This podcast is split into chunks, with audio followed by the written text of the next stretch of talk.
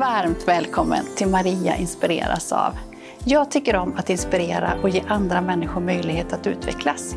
Här så bjuder jag in gäster som jag inspireras av och som jag hoppas och tror att du också inspireras av. Vi samtalar om kommunikation, tillgänglighet, ledarskap, idrott och kultur. Tycker du om det här avsnittet och andra saker som jag gör så får du gärna dela, sprida, kommentera så fler får ta del av det. Hej och varmt välkommen till avslutningen av den femte säsongen av Maria inspireras av. Det börjar bli lite av en tradition att jag gör det här avsnittet som en sammanfattning av hela säsongen. Och jag tänker att det är så bra och kul också, för, dels för reflektion för mig själv, till att sammanfatta vilka gäster som har varit här, och för dig som tittar eller lyssnar också, så att du får en sammanfattning av det. Om du inte har sett alla avsnitt tidigare så kanske du kan få lite tips och idéer på vad du vill se nu. I det här avsnittet så kommer jag berätta mina tankar bakom om avsnitten och gästerna som jag bjudit in och du kommer också få se några korta klipp från vissa avsnitt. Så häng på nu! Jag vill starta med det första och det sista avsnittet av den här säsongen. Det är två tjejer som jag har bjudit in och som har så stor klokskap och insikt om sig själva och sin omgivning. Så starka och fina tjejer och jag är så glad att jag får, får ta de här två tjejerna som gäster. Och det är Hedvig och Vilma. Om vi börjar med Hedvig så har hon precis fyllt 18 år och klivit in i vuxenlivet. I det första avsnittet av två så berättar hon hur det är att fylla 18 år, att gå på krogen, att tatuera sig och andra saker som det har inneburit. Hennes mamma Jessica är också med och berättar så förstås om den glädjen som det är att kliva in i vuxenlivet, men också den oro som det medför som förälder. Ett så fint samtal. Vilma träffade jag alldeles nyligen och nu går hon ut gymnasiet. Så här säger Vilma om att ta nästa kliv i livet och vad hon vill göra i framtiden.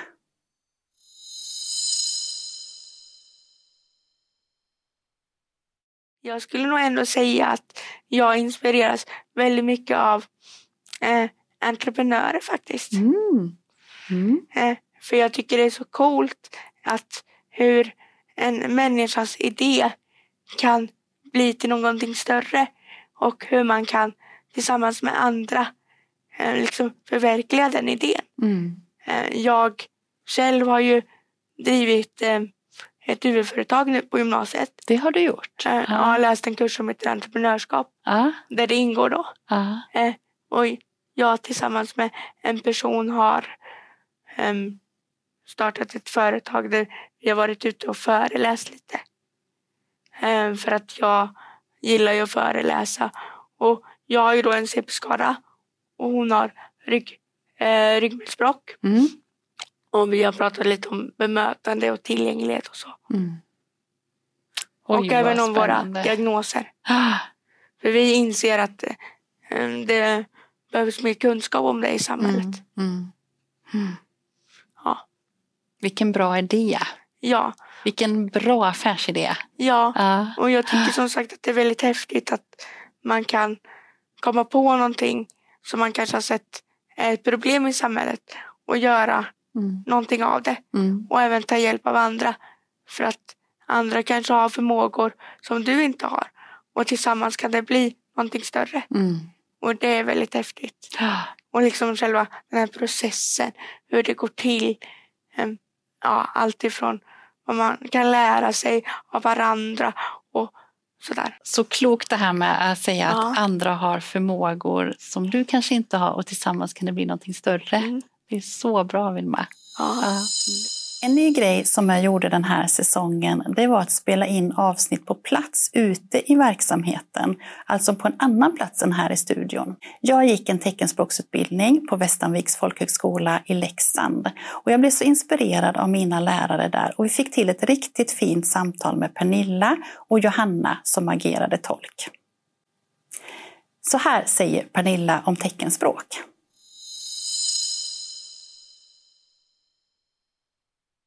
Kan inte du berätta lite om teckenspråk? Uh, oj, ja, teckenspråk är ju, man brukar säga att teckenspråk är ett visuellt språk. Och det är också ett tyst språk. Vi använder ju händerna, men vi använder också hela kroppen och ansiktet. Det är många som tror att teckenspråk är liksom det vi gör med händerna, men det är så mycket mer. Och det finns ju också olika teckenspråk runt om i världen. Alla länder har sitt teckenspråk. Det finns liksom inte ett internationellt. Eh,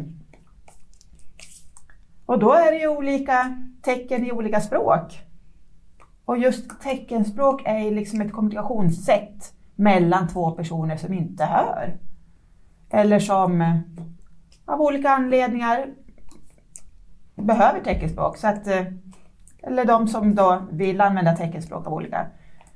Vi har ju tyska och kinesiska och så vidare, men så har vi liksom olika teckenspråk också och det är jämställt med ett talat språk, bara det att det är ett tecknat språk.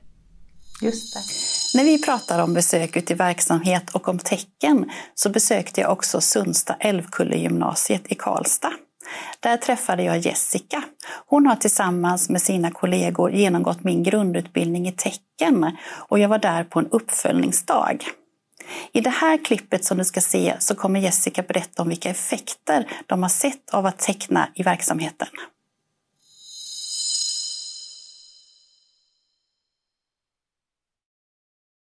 Och det som framkom nu då i mm. utvärderingen var ju fantastiskt. Ja. Eh, resultat, mm. eller vad man nu ska säga, mm. eller effekten av mm. att ni har börjat teckna mycket mer. Det var ju, eh, ja men berätta lite, det var kring några elever. Ja, det är ju, jag vet inte vem av alla du tänker nej, på, nej. jag tänker en elev som inte har tecknat alls förut, men som helt plötsligt, utan att man egentligen har gjort en, en riktad insats mot den eleven, för den eleven kommunicerar väldigt bra via ett kommunikationshjälpmedel. Uh-huh. Men den eleven har ju börjat teckna nu. Uh. Rent så här, ja, mer spontant så till, till andra. Och det är så kul att se hur mm. man ja, hur, hur de tar till sig det utan att man ens liksom riktigt försöker just med en speciell person utan att, man, att det finns liksom att alla i miljön mm. använder tecken. Mm. Så, och, och, att de kan prata med varandra, det är väl det som är mm den stora förändringen. in på det med mm. relation mm. och mm. kommunikation ja. som är, är, så nära mm. varandra. Ja, att eleverna kan, behöver inte gå till sin personal, de kan gå till andra personal från andra klasser för att kommunicera också. Mm. Inte bara till andra elever, men alltså det är så viktigt. Mm. Vi pratade om det innan också, hur ja, både du och jag tänkte förr, att vi bara tecknade med de personerna som vi visste ja. hade ja, men då, då fått lite tecken i kanske i förskolan mm. eller hemma och sådär. Det är de personerna vi tecknar med mm. och så mm. tecknade vi inte med andra. Nej. Hur kunde vi tänka så Jag vet inte. Jag tänker på det ofta faktiskt. Ja. Och det är ju inte länge sedan heller. Nej. Nej. Som vi börjar tänka att men alla behöver ju kunna teckna. Mm. Hur ska de annars kunna kommunicera med sina klasskamrater? Nej det är ju de viktigaste relationerna. Mm. Alltså det är ju här de har möjlighet att knyta kontakter kanske. Mm. Och det är ju det ni har gjort och bestämt er för mm. också, att skapa den möjligheten mm. både som en tecknande miljö och kommunikativ miljö. Det är ju det mm. som det blir av det då. Jessica hon har varit gäst vid flera tillfällen och bland annat i det första avsnittet av Maria inspireras av. I det avsnittet så berättar hon om hur de jobbar med att skapa en kommunikativ miljö och skapa större tillgänglighet för alla. Nu passade jag på när jag var på besök där i verksamheten att också titta runt i lokalerna och verksamheten och jag tog många bilder. I avsnittet med Jessica om kommunikativ miljö så kan du se hur lokalerna ser ut och hon berättar också om fortsättningen av det arbetet från första avsnittet. Just tillgänglighet är ett ämne som intresserar mig väldigt mycket tillsammans med universell utformning. Under den här säsongen så har jag bjudit in flera personer som arbetar med de här ämnena. Jag har bjudit in Jenny från organisationen Our Normal och jag har bjudit in Linnea och Erik som arbetar på Länsstyrelsen i Västra Götaland. Men vad är egentligen universell utformning? Så här beskriver Jenny det.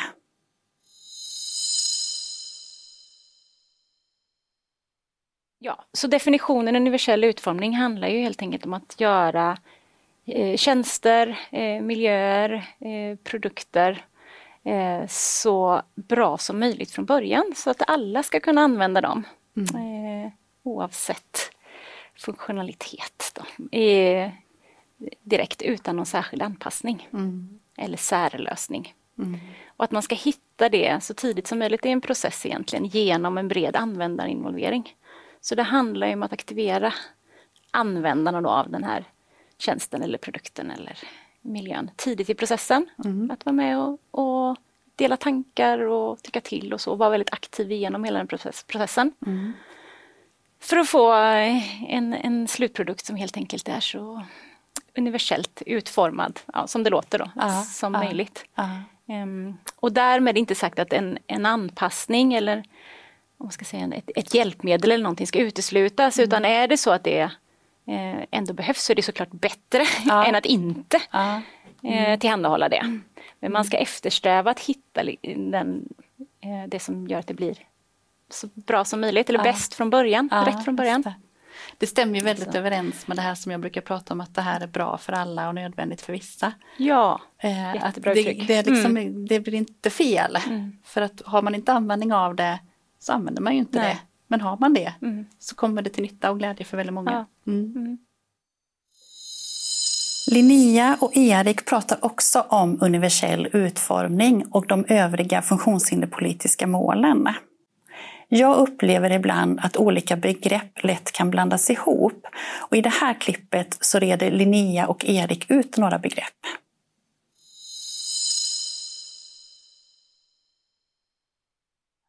Ja, eh, ni eh, ger ofta en bra tycker jag, förklaring på skillnaden på funktionsnedsättning och funktionshinder. Mm. Hur funkar det?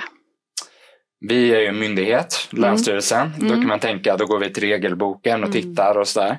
Då finns det lite begreppsapparater beskrivna, bland annat i Socialstyrelsens termbank, men även i FNs konvention om rättigheter för personer med funktionsnedsättning. Mm. Alltså FN-konventionen då. Och där pratar man om funktionsnedsättning och funktionshinder som mm. två centrala begrepp. Så Sen är ju vi noga med det finns ju så mycket begrepp inom det här ah, området ah. så vi är noga med att säga att man får definiera sig själv såklart om man har en funktionsnedsättning eller om man upplever att man har ett funktionshinder eller om man upplever att man är handikappad eller mm. har ett handikapp får man mm. säga det också. Mm. Så Men vi tycker att det finns en poäng i de här begreppen. För då beskriver man funktionsnedsättning som någonting som finns hos en individ. Alltså jag eller Linnea skulle kunna ha en rörelsenedsättning eller synnedsättning eller allergi eller en intellektuell funktionsnedsättning mm. eller svårt att kommunicera eller vad det kan vara. Så eh, Medan funktionshinder i sin tur, om det uppstår i relation till personer med funktionsnedsättning. Just som det. vi skulle ha eh, svårt att höra och du satt och viskade här idag, vi inte hade något hörhjälpmedel eller vad det kan vara. Mm. Då skulle den kommunikationen utgöra ett hinder eh, för mig motionnedsättning och förstå det. Mm. Så funktionsnedsättning och funktionshinder. Mm. Och det, där är mycket det vi var inne på med politikens inriktning innan. Den handlar ju mycket om att fokusera på själva funktionshindren. Alltså hur kan vi skapa ett samhälle utan funktionshinder Just det. för att därigenom mm. möjliggöra för personer med funktionsnedsättning mm. att vara delaktiga. Mm. Mm. Ganska kort beskrivet. Ja, jättebra. Ja, ja. ja. undanröja hinder på det undanröja sättet. Hinder. Och det där är ju lite perspektivskifte mot vad vi har varit innan i, inom funkisfrågorna mm. där det har mm. varit mycket fokus på ja, med individer med funktionsnedsättning. Vi har en historia i Sverige med institutionalisering och direkt marginalisering, sterilisering mm. eh, och, och, så vidare av personer med funktionsnedsättning. Man mm. säger att den här gruppen ska inte få vara delaktiga i liksom, det, mm. det allmänna, stora, sam, generella samhället. Så här, utan man vill skilja åt mm. av någon slags omsorg. Eh, så här. Kanske i grunden men också såklart en, en o, olikvärdig och orättvis diskriminerande behandling. Så, mm. um, så det hänger också ihop med den här tankeförflyttningen. Vi ska ha ett samhälle med mångfald och oavsett funktionsförmåga ska man kunna vara delaktig och ha likvärdiga levnadsvillkor. Mm. Och då är det samhället vi måste jobba med. Ta bort mm. funktionshinder, förebygga dem. Mm. Ett av de allra viktigaste ämnen som många avsnitt har berört under de här säsongerna, det är bemötande. Hur kan vi skapa ett samhälle där alla känner sig välkomna och möta på det sättet de själva önskar? Den här boken, Jag behöver Hedvig, är skriven av mamma Jessica, där hon dels beskriver sin egen process, men också situationer som Hedvig, hennes dotter, får möta. Nu ska du få se och höra ett klipp om en situation där Hedvig och mamma Jessica sitter på ett torg och äter glass.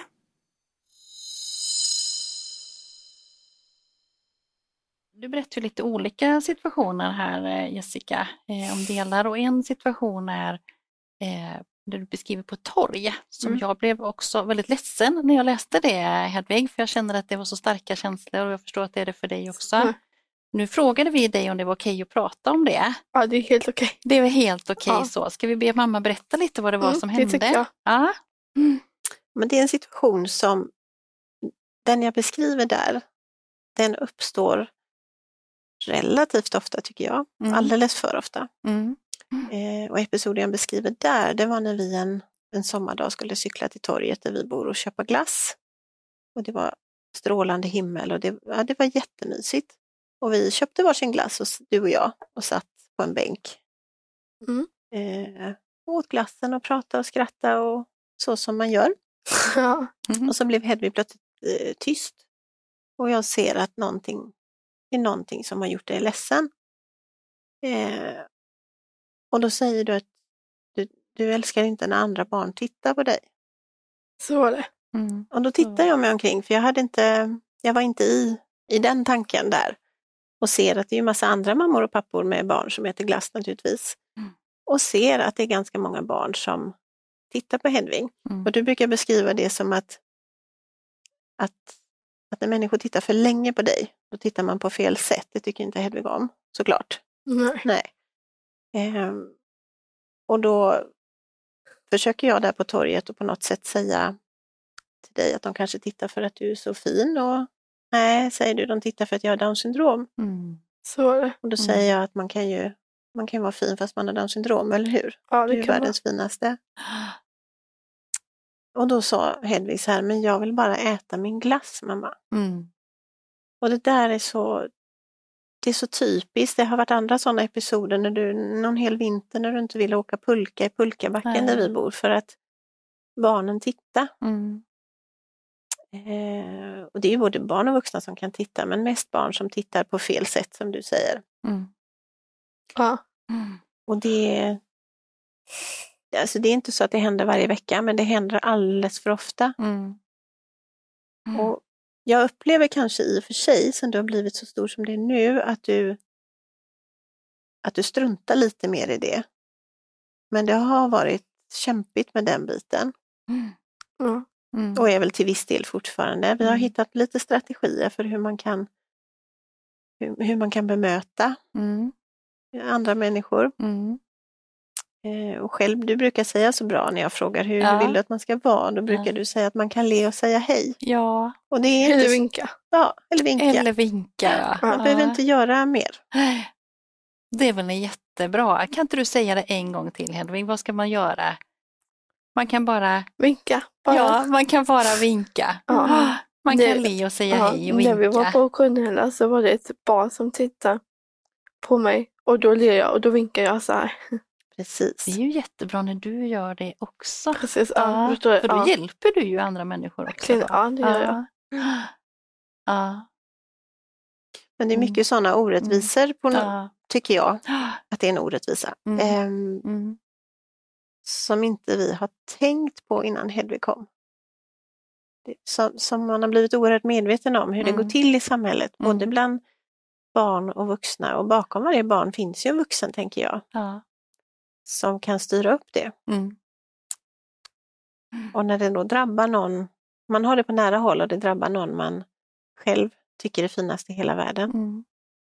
Då blir det väldigt sårbart alltihopa. Mm. mm. Ja, du kan väl bara le och säga hej och vinka som Henrik så fint säger. I det här klippet som du ska få se nu så kommer Pernilla också prata om bemötande och dövas situation i samhället.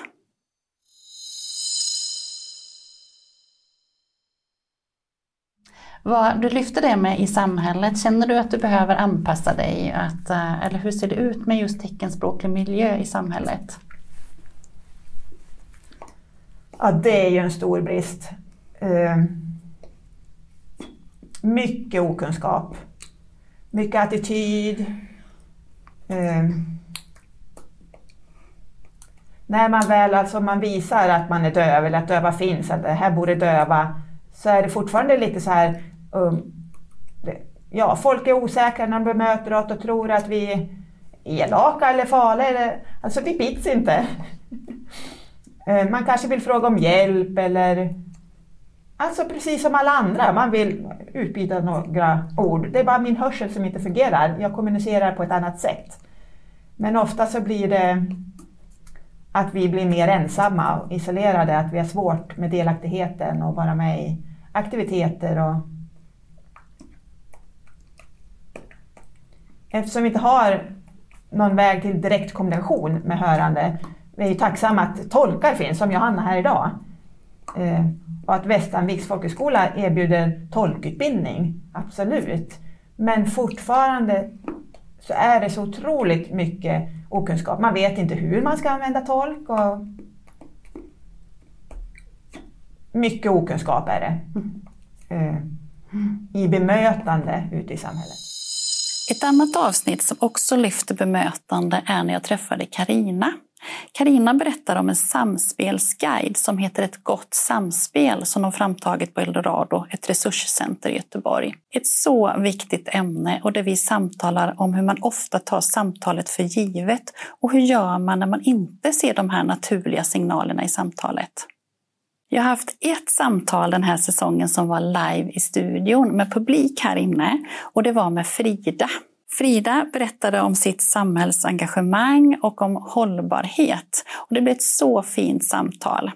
Frida driver också Fridas blomster, så vill du ha tips och idéer på hur du kan odla eller vad som är viktigt att tänka på när du handlar blommor, så titta på det här avsnittet.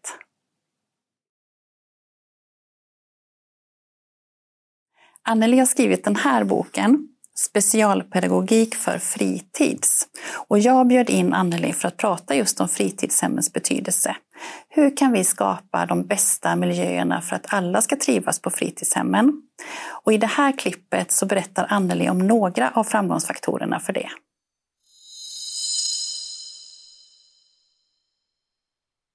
Jag tänker för att, som precis som du beskrev, så barn, personer tillbringar ju ofta lika mycket tid i den, mm. i alla fall i den verksamheten, eller på det sättet, eh, så som man bedriver fritidsverksamhet. Det är en stor del mm. av ens liv, det är ju det för, för dig och mig också. Mm. Eh, men hur, kopplar ni ihop det med skolans verksamhet också, eller, eller hur tänker du där? Ja, eh, jag tänker ju mycket utifrån att eh, det blir ju bättre skola om man samverkar. Det finns forskning som visar på det, att när skola och fritidshem har en god samverkan mm. så höjs studieresultaten också. Så det är intressant. Eh, och jag tänker att vi behöver ju också se till att det finns ett gemensamt tänk. Ja. Ibland när jag kommer till fritidshem till exempel så har man börjat jobba med bildstöd men så har man ett annat en annan typ av bilder på fritids mot vad man har på förmiddagen när det är skola. Ja, så, här, så att man, man måste jobba ihop sig runt mycket saker som man ibland är bra på och ibland inte lika bra på. Mm. Eh, jag tycker också det är viktigt att hela tiden jobba med att höja fritidshemmets status. Ja. Eh, och det kan ju vara en sån sak bara som att titta nu fick de en egen utbildning eller, eller en sån enkel sak. Men också det här med att låta fritidshemmet ta plats. Det är väldigt ofta som man delar lokaler med skolan. Ja, så är det ju såklart. Mm. Mm. Och då hör jag ibland när jag kommer ut att man säger att man är i skolans lokaler. Oh. Och då blir jag lite så här, lite, då, då, säger jag lite barskt att nej, det är ni inte, ni delar lokaler. För jag tänker att man måste också hävda det och ta sin plats. Eh, och så att man ser att fritidshemmet är en jätteviktig verksamhet. Oj, så viktigt det du sa nu, nu. hur mm. man benämner det. Mm. Att inte en, ens dels mm. lokaler utan faktiskt vi delar. Mm. Det är ju jätteviktigt i synsättet tänker jag. Mm, precis. I början av säsongen så hade jag Carolina Klyft som gäst i två avsnitt. Hon arbetar på organisationen Generation Pep. Hon berättar om hur de arbetar med att sprida kunskap och skapa engagemang för barn och ungdomars hälsa. Och också hur naturen kan vara en naturlig plats för rörelse och hälsa. Ett av teman i Maria inspireras av är ledarskap. Och den här säsongen så har jag bjudit in Susanne igen. Hon har tidigare varit med och då har vi pratat om ledarskap på olika sätt. I ett av avsnitten den här säsongen så pratar vi om att sätta mål och att leva med ett leende på läpparna så mycket som möjligt. I ett annat avsnitt så pratar vi om mental styrka och jag tycker att Susanne sammanfattar det så fint i det här klippet om hur viktigt det är för människor att känna längtan.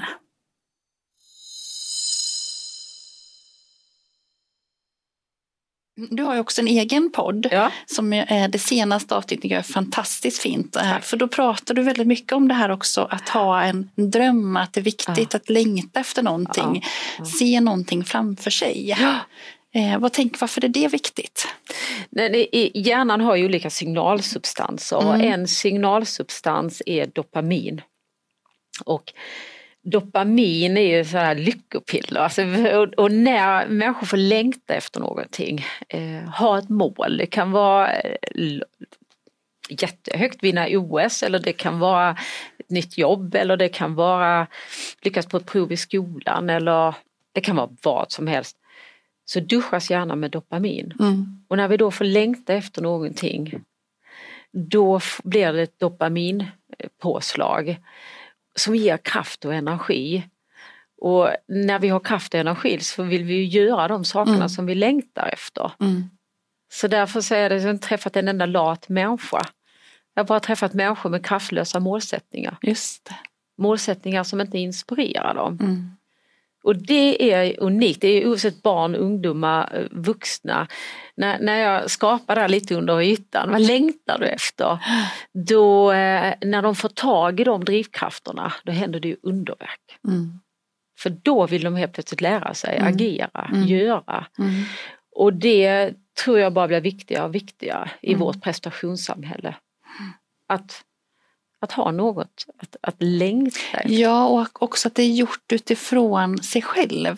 Ja. Det är jag som har bestämt det här mm. jag längtar efter. Mm. Eh, det är inte någon annan som har sagt det som du sa. Mm. Det tror jag också är viktigt. Och det tycker jag är så härligt när du pratar om också att det här gäller ju alla åldrar. Mm. För jag kan tänka nu när vi är lite äldre att man tänker kanske att nej men det är lite färdigt de här grejerna. Mm. Nej, det nej. kan vara andra saker som, som jag drömmer och längtar om då. Mm. Du beskriver så fint där i din podd, för du fyller år den dagen som du spelade in det här ja, avsnittet. Ja. Så här, Åh, vilken härlig morgon jag hade. Och så, och så hade du lite längtat efter den. Ja. Och bara sådana delmål tycker jag är så viktigt. Ja, mm. och att njuta under den resans gång. Mm.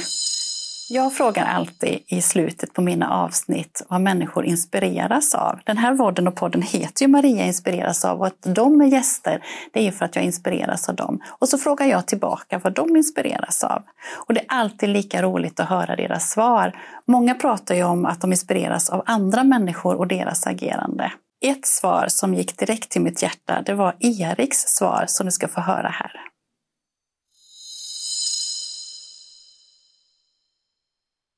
Erik, vad inspireras du av?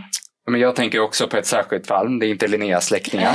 Eh, så Men jag jobbade för tio år sedan eller något sånt där. Med, då gjorde vi på Handisam, hette vi då, Myndigheten mm. för handikappolitisk samordning. Vi gjorde en, en kvalitativ studie med jag tror det var 20 barn och unga med ganska yngre barn, så här, hur de upplevde livet i allmänhet. Det var barn med olika olika typer av funktionsnedsättningar. Många med någon form av intellektuell funktionsnedsättning men en del mm. fysiska också. Så mm. och då var det ett barn som berättade i en av intervjuerna som gjordes då om hur hans skolgång var. Så uh, han gick uh, i en klass på en skola där det var otillgängligt. Så här. Han var rullstolsburen den här killen, kanske i tioårsåldern eller något sånt där. Han fick gå in via en annan entré på huset när de hade lekt på rasten. Och så här. Mm. Och han berättade om när han, och hur det kändes mm. liksom, eh, att skiljas från kompisarna och bli utpekad annorlunda. Så mm. Ehm, det fanns heller ingen tillgänglig toalett i den här skolbyggnaden utan då var han tvungen att ta sig till ett annat hus. Men det ville inte han för då han inte han ha rast och sådär. Så för att kunna gå på toa så var han tvungen att hoppa ur rullstolen och liksom krypa in på toan så här, inför sina klasskompisar och så här. Mm det där brukar jag liksom återkomma mm. till för att få, om man någonsin har gnuttat liksom engagemangstapp så här i jobbet och behöver driva igång så biter det där på något sätt jämfört mm. med de här kvantitativa sta mm. statistiken där vi vet att, att det finns jättemycket att göra för gruppen personer med funktionsnedsättning så tänker jag mm. på den där killen att så ska det inte få vara. Mm. Eh, det är ganska lätt, apropå universell utformning, att tänka ah. till från början ah. eller att åtgärda mm. så kan vi inte ha det. Att, mm. eh, att ett barn ska få mm. uppleva det i uppväxten på grund av att vi inte har gjort saker eller mm. gjort saker utan att tänka till. Så mm. Nu är det dags för mig att avsluta den här femte säsongen av Maria inspireras av. Och jag vill tacka av hela mitt hjärta alla fina gäster som jag haft här i fantastiska samtal. Och jag vill också tacka dig som lyssnar och tittar, för du inspirerar mig att fortsätta med den här vodden och podden. I höst så kommer jag publicera avsnitt 100 och jag kommer lova att det ska bli en riktigt fin fest. Hedvig, hon pratar om att vara fredagslycklig. Och jag hoppas att du är riktigt fredagslycklig. Nu kommer jag att ta en liten paus och cykla iväg på lite semester och jag önskar dig en riktigt härlig och fin sommar. Ha det riktigt gott! Tack till alla gäster säsong 5 2023. Hedvig Ros Ramqvist, Jessica Ros Ramqvist, Carolina Klyft, Karina Rådenmark, Jenny Lindström Bejar, Pernilla Evasdotter, Johanna Lind Edbeck, Jessica Eriksson, Susanne Pettersson, Anneli Karlsson, Linnea Björk, Erik Lindqvist, Frida Persson, Vilma Frost.